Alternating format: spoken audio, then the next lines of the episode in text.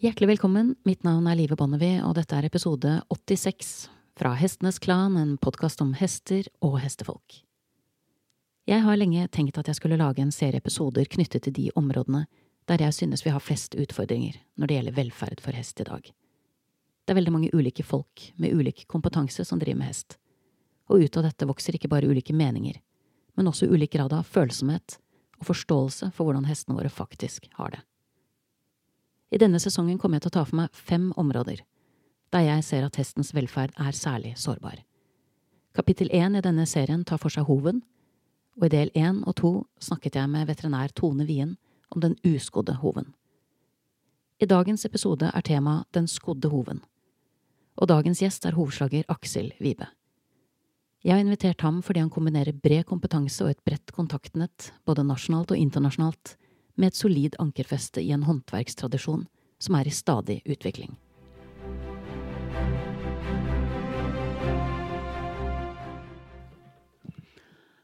Ja, her eh, sitter vi, eh, Aksel. I stua hjemme hos deg. Ja. Langt nord for Oslo. Langt og langt. Så Helt helt innafor. Utafor Ring 3, sånn som vi pleier å regne det. Ja, det er det i hvert fall. Vi skal snakke om hoven. Primært den skodde hoven. Men jeg syns jo alltid at det er interessant å høre Du er jo hovslager. Hvordan du kom inn i Altså, hva var grunnen til at dette ble din vei? Uh, ja, det, altså det, det begynte jo når jeg, var, når jeg var liten gutt. Jeg kom fra en fjellgård oppe i Nord-Gudbrandsdalen. Og uh, der var, hadde oss hest, gårdshester. Og onkelen min han drev og skodde litt på dem. og Av mangel, tror jeg, mest av, av noe annet. Og så fatta jeg interessen for det. Og da gjen, gjennom hest, ikke sant. Altså, det er jo det som har vært sin røde tråden hele veien opp igjennom. Og det å få vokse opp i et, eh, hva skal jeg si, såpass naturlig og nyttebasert eh, måte å holde hest på. Og det, det, det var en veldig, veldig fin start. Så når jeg begynte på Starum i ja, når var det da? 93, vel. Så, så kom jeg rett ifra bygda og Brukshest, rett og slett. Brukshest og fjording og nordlandshest og islandshest. Og rett inn i et eh, helt annet miljø, egentlig. Om, spennende overgang. Kan du si noe om det miljøskiftet som det var? Nei, det var, altså det var jo mest, var jo mest interessant på det at det er en annen måte å holde hest på enn det jeg vokste opp med, som var veldig altså Hestene hadde det jo veldig fritt og, og fint på veldig mange måter, da. Mye ute, beite, turer i skog og fjell i kombinasjon med altså Vi brukte det gjerne i, i sauesanking og eh, ja, gårdsarbeid og sånt, så du får en sånn veldig praktisk, enkel måte å tilnærme seg hest på. Det måtte fungere, og det, hvis det ikke hadde det bra, så virka det ikke. Så det til at et veldig tilrettelagt, veldig kontrollert hestemiljø med konkurranse og mål og prestasjoner og, og, og sånt, det, det, var en, det var nok en ganske stor overgang for meg sånn rent hestemessig. da. Det var det, absolutt. Og så ble det jo der, da, i det, det miljøet. Og har fortsatt å skodd eh, prestasjonshester, særlig sprang og dressur. Som vel kanskje er det mest, hva skal jeg si, det lengst ifra den, kall det naturlige hestehold. Eller, ja eh, Hvor det, ting blir veldig påpassa og veldig fulgt opp med et fantastisk helsevesen. og men samtidig er det veldig sånn kon kontrollert. Liksom hester som ikke går sammen, og hester som, som kanskje ikke får den utetida de skal, og ikke går på variert nok underlag osv., så, videre, og så, så det en helt annen problemstilling. Men samtidig så har vel den uh, Det at jeg har fått grad, gått graden i, i det konkurransemiljøet for å serve det konkurransemiljøet, gitt meg veldig mye muligheter, fordi at det er en helt annen økonomi der. Så det betyr det at det er muligheten til utdannelse, muligheten til å holde på med jobben min på et veldig nøyaktig og veldig sånn Du får veldig svar på prestasjonen og, og på det du gjør. Og jobbe med de beste folka, de beste veterinærene, de beste trenerne, de beste rytterne, setter jo noen krav Jeg sa jo tidlig når, når jeg begynte å sko konkurransehester begynte vel med Stein Endresen, som var liksom min, min første si, store kunde sånn sett. Og det var det at jeg, hadde som mål at jeg skulle ikke være det svake leddet i teamet. Det var målet mitt, å jobbe for å ikke være det svake leddet.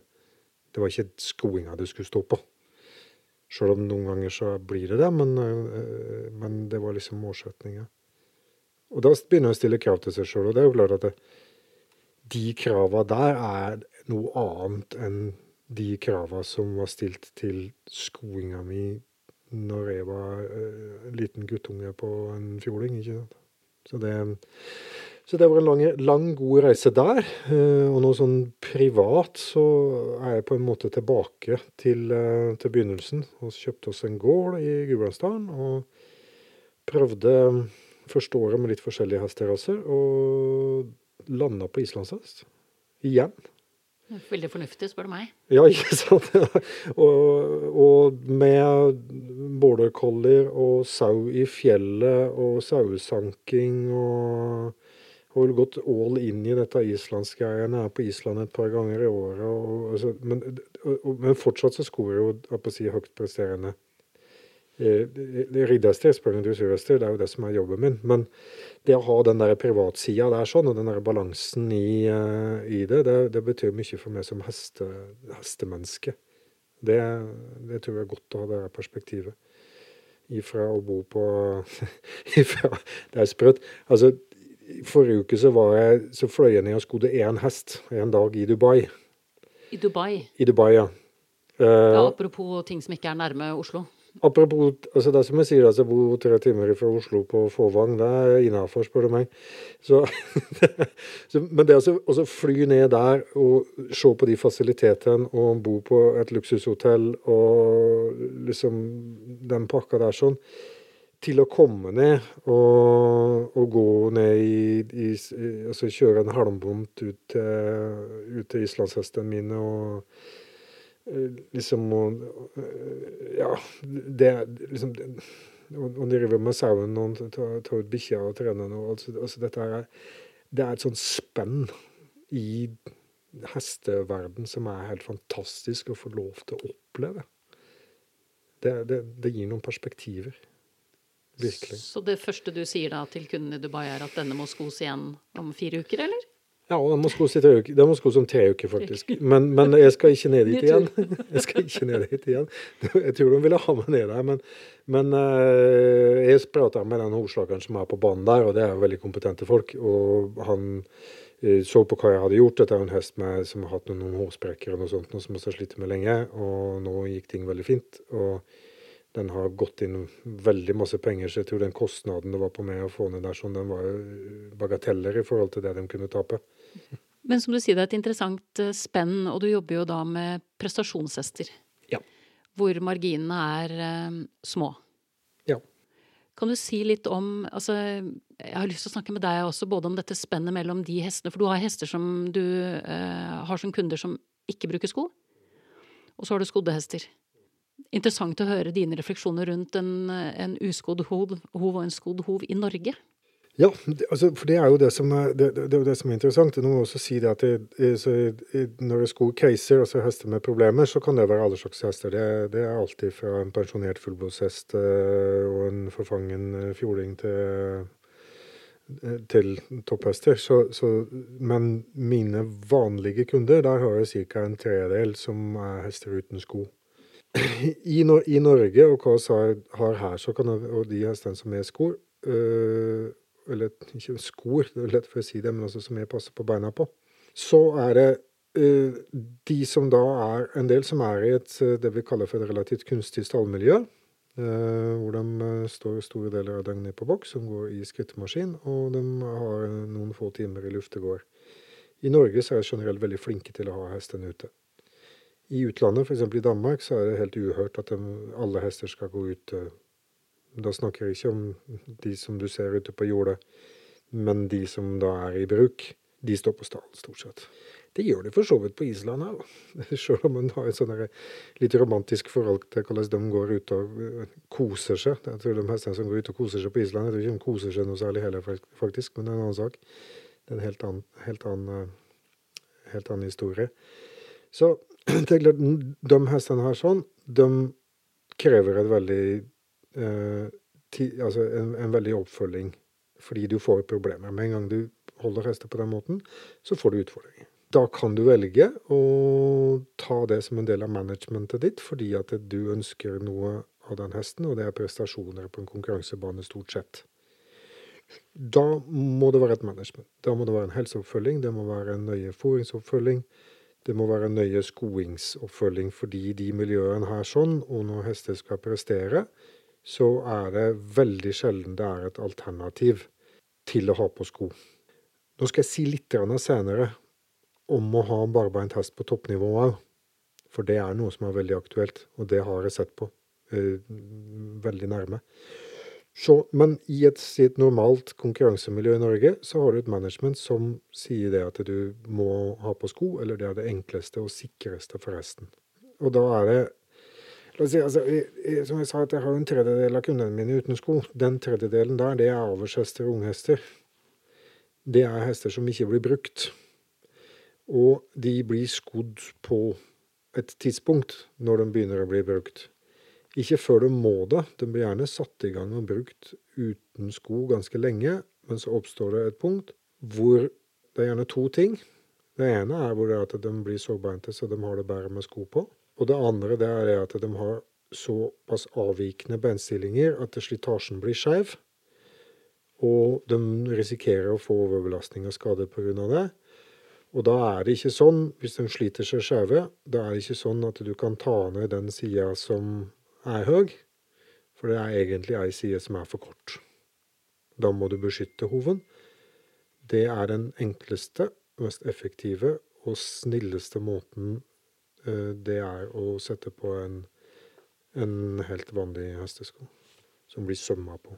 Det er en veldig grunn til at vi gjør det. Det mest økonomiske for meg, det er, og enkleste på alle mulige måter, minst slitasje på meg, det er jo ikke sko di. Det er jo bare verke det. Og det samme for eierne. Det er bare Det er mye mer utfordringer med å sette på sko enn å la dem gå barbeint. Så noen, det er gjennomtenkt. Alltid. Eh, og så har vi litt mer muligheter da, når du, når du legger, på en, uh, legger på en sko. Du du kan påvirke, avlaste mer uh, ulike strukturer. Du kan beskytte Du får feste, ikke sant. Og det er vel det som Altså, i Norge, og i hvert fall her jeg bor, så er det seks måneder av året. Det er jo is og snø. Og det Da blir det glatt.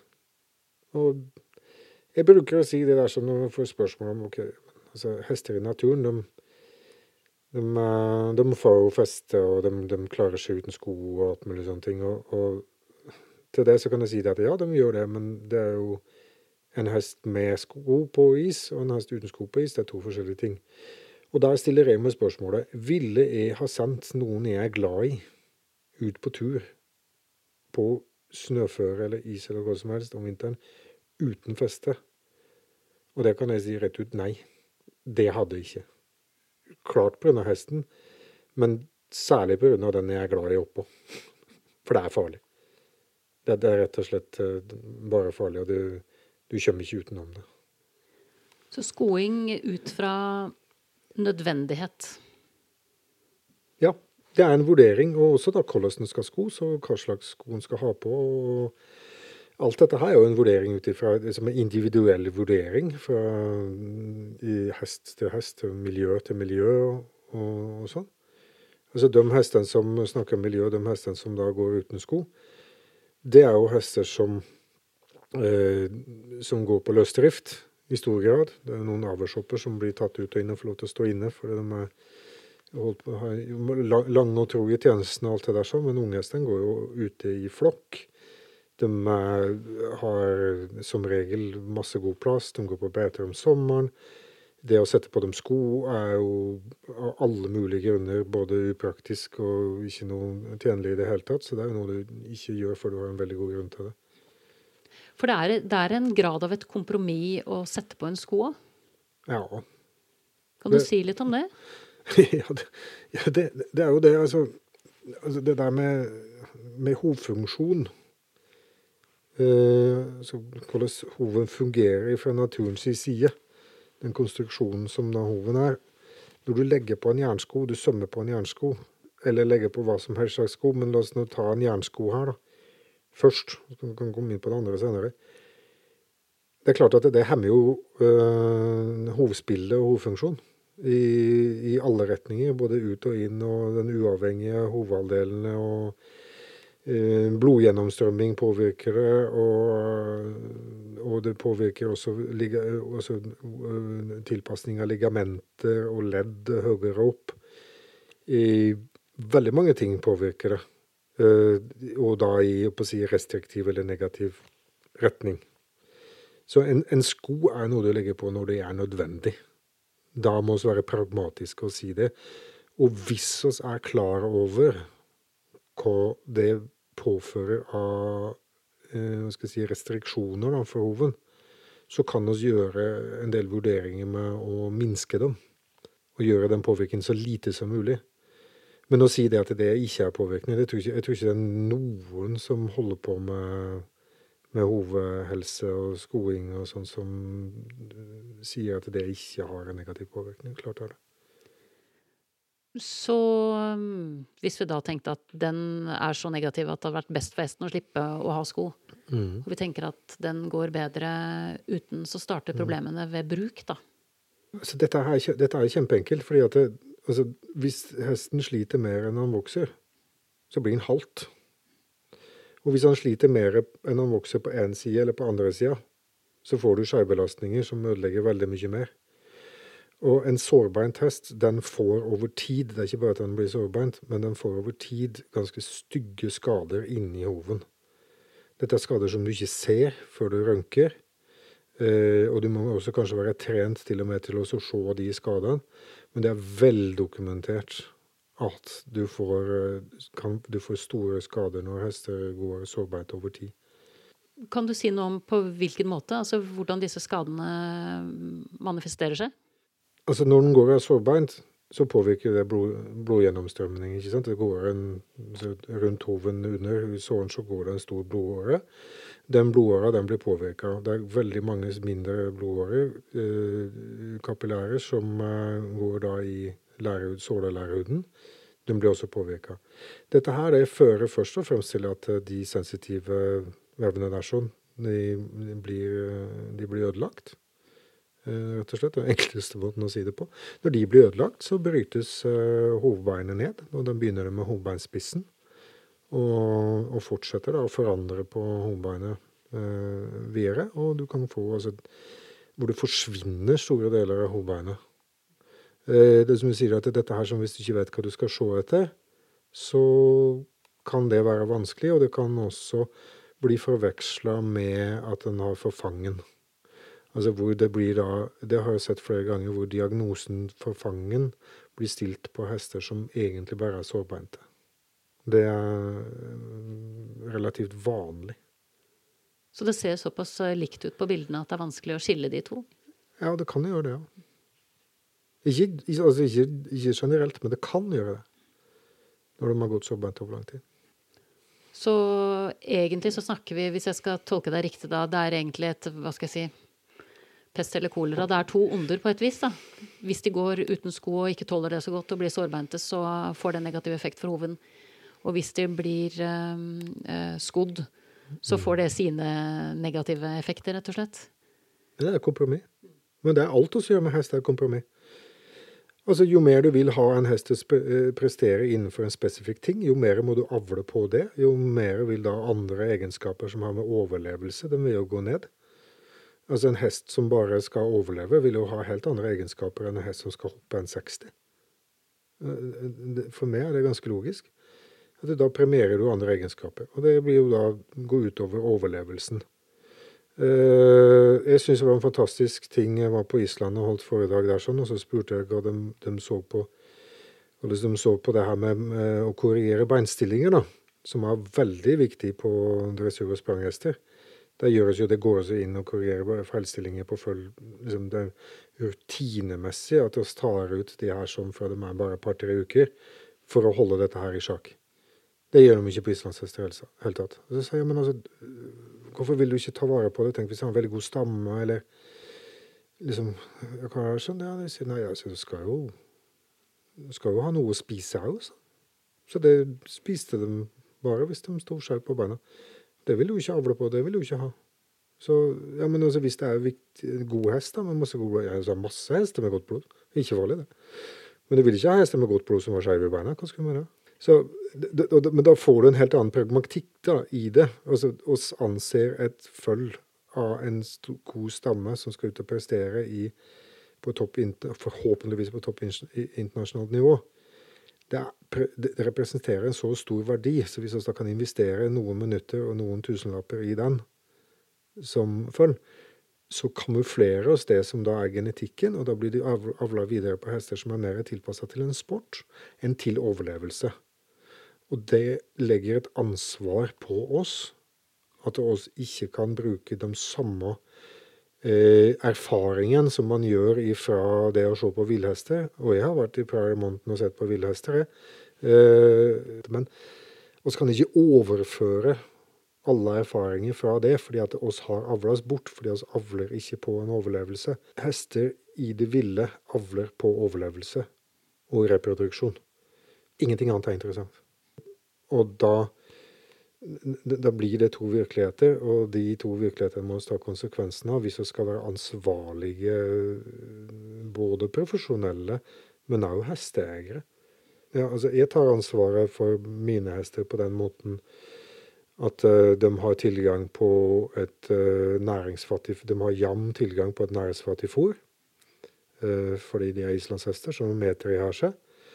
jeg bor i en bakke som er rett opp og ned, så jeg tar ansvar på den måten. Og det er varierende forhold med alt fra gjørme til is og snø og, og til og med jordras. Så Eh, de må ha sko på sko om vinteren selv om de ikke blir brukt. Ja, så, så Poenget er at jeg må ta ansvar for det miljøet som jeg velger å putte meg i, enten om det er ski eller så. Og jeg stiller meg ikke til doms over det miljøet som øh, og de, de forholdene som en topp konkurransehest blir satt i. For de, de, som er gode, de kompenserer for det. De har et helsesystem som er langt bedre enn det jeg har de har en foringsoppfølging som altså Hvis jeg hadde fått en sånn diett uh, uh, diettråd, holdt og, og, og, sånt noe som en konkurransehest hadde fått, og bli tatt ut og trene to ganger om dagen og liksom Det, det, det jo de, de legger ned så mye for å holde de hestene der friske. Og holde dem på banen. De skal få utnytta kapasiteten sin til det fulle. De må være glad, de må være friske. Og det er det de gjør. Så sånn sett så har jo hester på det nivået, som er i det ypperste, mest unaturlige miljøet du kan tenke deg, de blir jo passa på veldig mye bedre enn altså, alle hobbyhester. Sjøl om folk er flinke til å kjøpe gode tilskudd og alt mulig til hesten sin. Og, og, og lese artikler på, på internett og, og, alt det der sånn, så, så, så, så, kan du ikke sammenligne det med det managementet som ligger på det nivået. Det, det, er, det er, rett og slett imponerende. Det, så, jo, har jo, har jo, liksom, det er jo folk som ja, som flyr med ned til Dubai fordi de mener at det er viktig for resten av oss. Altså, jeg kan si det at du lurer på om det er et eller annet i den koden der som du kanskje skulle hatt noe MR av den. Ja, da er den på MR neste uke. Altså det er jo klart at det, For det er ressurser på det andre ressurser på det nivået. Så jeg forventer jo ikke det av folk på si, normale folk som meg sjøl. Men det er viktig å, å, forstå grunnlaget for de valgene de gjør. Og jeg vet ikke om du vil jeg skal si noen ting om uh, barfot på toppnivå? Jeg syns jo det er kjemperelevant. Absolutt. Ja, ja. For det er interessant. for jeg... Både barfot ja. på toppnivå og alternativet til eh, jernsko. Hvis man bestemmer seg for at man vil ha noe under. Eller trenger noe under. Ja. Mm. Det, det abs, Absolutt. Uh, for det, er, er ikke, det, er jo ikke, bare jernsko. Det er jo bare en, en, en del av verktøykassa her. Uh, altså jernsko og variasjoner over jernsko. Uh, nå så i OL så, så, var det noen hester der som på sprangbanen som, som gjorde det si, relativt bra på toppnivå der. Og dette her førte jo til en veldig oppmerksomhet rundt den den tematikken der i, både overalt og sosiale medier og i fagmiljøet og, alt og det. Jeg syns det var både interessant og, og, litt forfriskende på en måte. Og så var jeg da kontakta, eller var i kontakt med en av dem der som, uh, som har gått inn i det med, med hud og hår, holdt jeg på å si, i, i detaljer rundt managementet sitt. Og det er litt nøkkelord her sånn. Det er managementet. Han, ja, for dette kommer ikke av seg selv? Han har, ja ja. Og det er hele hestemanagementet. Det er ikke det at han har, gjør én ting. Altså, dette her er en fyr som, som, som, kjører rundt i Italia for å finne en produsent som lager en stigbøyle som er ti gram lettere enn det andre på markedet. Og han har da gått inn igjen med sin, uh, sin konkurransementalitet, sin detaljorientet uh, og sin hestekunnskap. Uh, også på det hvordan fungerer høvene, og skjønt veldig mye der. Min inngangspunkt er jo det mekaniske, det anatomiske, biomekanikken, fysikken rundt alt dette her. og veldig pragmatisk rundt det. Hans inngangsport det er jo ridefølelsen og veldig pragmatisk. Hva er det som gir en god ridefølelse? Og har da hatt hester som han har opplevd fungert veldig mye bedre, eh, både ridefølelse og helsemessig, når han har tatt av skoene. Og han, han, har skjønt veldig mange ting av diskusjoner. men han var, kjempe, kjempeinteressant og, og bekrefta jo mange av de tingene som jeg har, har tenkt og ment sjøl, og som også blir som er på å si læresetninger i mitt fag i veldig stor grad, og, og, han har rett i det. Men han har et kjempestort team rundt hestene sine. Han har en oppfølging av eh, Og flere av de andre, eh, da snakker jeg om svenskelaget, eh, eh har da oppfølging av hovslagere som jeg kjenner, som er av eliten, i, også eliten i verden. Dette står ikke de i stor grad og gjør sjøl. Altså, det er noen som prøver, men de aller fleste de lener seg på De har en oppfølging av, av topp, topp, folk, Og da er det hovslagere. Fordi de legger også på sko. Det gjør de. Og de bruker av og på med boots. De, det er hester som blir, er veldig kontrollert i hva slags underlag de går på. Eh, når de blir starta på underlag der de trenger grep, så får de eh, sko med brodder og med feste.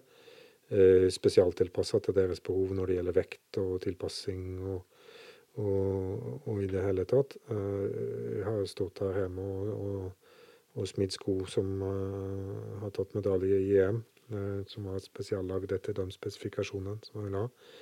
Og, og, liksom, og den, den, respekten som oppviser på det nivået for funksjonaliteten i hesten, og hvordan hesten føler det, og den rytterfølelsen som de har, hvor de sier at OK, nå, nå er den sårbeint. Nå er ikke den bare følsom for underlaget. Den er faktisk så sårbeint. nå begynner å miste den kapasiteten. For det er klart at de kan kjenne kapasiteten på hesten på et helt annet presisjonsnivå enn det oss vanlige dødelige kan. Så de veit det med en gang. Nå må jeg gjøre noen ting. Og da øh, og da blir de skodd. Uh, det gjør de. Uh, det har vært eksperimentert med ulike kunststoffer og limesko og, og sånt noe. Og det har vel ikke blitt funnet noen sånne veldig gode løsninger der ennå. Når man rir på dette nivået, tenker du? Ja. Mm. Og, og problematikken er jo den samme på alle nivåer. For problematikken går jo på det at når du tenker på at du har en uh, Hestene opprettholder jo en naturlig væskebalanse i høven. Og når du da legger på ganske kraftige lim, eh, bl.a. en del akryllim, som, eh, som jo er såpass skadelige at vi får ikke lov til å jobbe med dem uten gassmaske og god ventilasjon. Og her står hesten med nesa si oppi dette her. Uh, og, og, altså, det, det, er ikke, det, er jo ikke, bra. Det er ikke saliggjørende, det heller? Nei, det er ikke bra. Og du legger på sko som er, eh, som er klumpete, som er, du har mindre mulighet til å tilpasse dem til hoven, til beinstillinger, til å kompensere for skeive beinstillinger. Eh, det er veldig mange restriksjoner enn sånn eh, si, sko i det vi kaller for kunststoffer. da Eh, og løsninger rundt kunststoffer. Det er store begrensninger i det. Og det er store betenkeligheter med det. De sitter dårligere på, så det er mindre praktisk. Du må kanskje ha spesialkunnskap for å legge det på ordentlig. Det er dyrt. Det er veldig dyrt i forhold til det. Sånn, så det er ikke en det, det, er, Jeg bruker, bruker, jo sånne løsninger ganske mye, og da er det på skader. Da er det på hester som er skada, og som allerede er F.eks. kan du si at det, de gangene det er veldig aktuelt, det er jo når det har vært en litt overivrig eh, barfotverker der, sånn, eller en, eh, en, eier som har vært litt overivrig på å ri en hest uten sko. Hvor det da faktisk er den eneste løsningen, det er å, å beskytte med, med, et kunststoff, for da altså erstatte den hoven som enten har blitt slitt vekk eller tatt vekk. Så hvis det da blir anbefalt at uh, på en hest som ellers er frisk, skal ha på en limsko, da I min verden så har det skjedd et eller annet feil. For det er bare der det ville Det er bare der du ville tatt det i bruk selv? På en hest som ikke har noen skade, ja. På en naturlig, naturlig frisk, fin hov, ja. Da, da, er det hvis en har, altså har smerter. For hester skal ikke gå med smerter over tid. Hvis jeg kan unngå det. Det, ifølge norsk dyrevernslovgivning så har jeg ikke lov til det. Og det har jo også, har jo også vært rettssaker i Norge som har folk som driver med barfotverking uten tilstrekkelig kunnskap, har blitt dømt for det. Norge og internasjonalt. Det, det er det. Så men nå, må vi bare understreke, for jeg føler at vi segler inn i en uh, hvor, hvor, jeg kanskje kan bli tatt for en stereotyp hovslager som bare, bare ser etter ser et skal smelle på jern i alle himmelretninger. Det jeg, det jeg, snakker om når jeg snakker om hvor det går gærent, så må jeg òg si det at jeg er ennå uh, Altså, jeg, jeg, jeg, kan være veldig skarp i kanten når det gjelder skoing som er feil, og som skader hesten. For når en hest uh, går uten sko, så begrenser det seg på en måte hvor mye skade han kan bli, for han blir sårbeint, og da slutter han å gå. Mens med en sko på, så kan du gjøre feil, og hesten kan fortsette å gå over tid. Og lage ganske store skader på masse strukturer med å være feil eller ikke tilstrekkelig eller ikke ofte nok skodd. Så, så eh, la oss få lov til å balansere den der, altså. Og det er nettopp dette som er ambisjonen bak disse episodene om hoven. Å balansere den der. For er det ett ord som virkelig oppsummerer enhver prat om enhver hov, så er det nettopp viktigheten av balanse. Du har nettopp hørt episode 86 fra Hestenes Klan, en podkast om hester og hestefolk.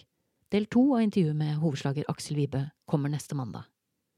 Og da gjenstår det bare for meg å takke min faste komponist Fredrik Blom, min gjest Aksel Wibe, og sist, men ikke minst vil jeg takke deg, kjære lytter, for tålmodigheten. Måtte hesten for alltid være med deg.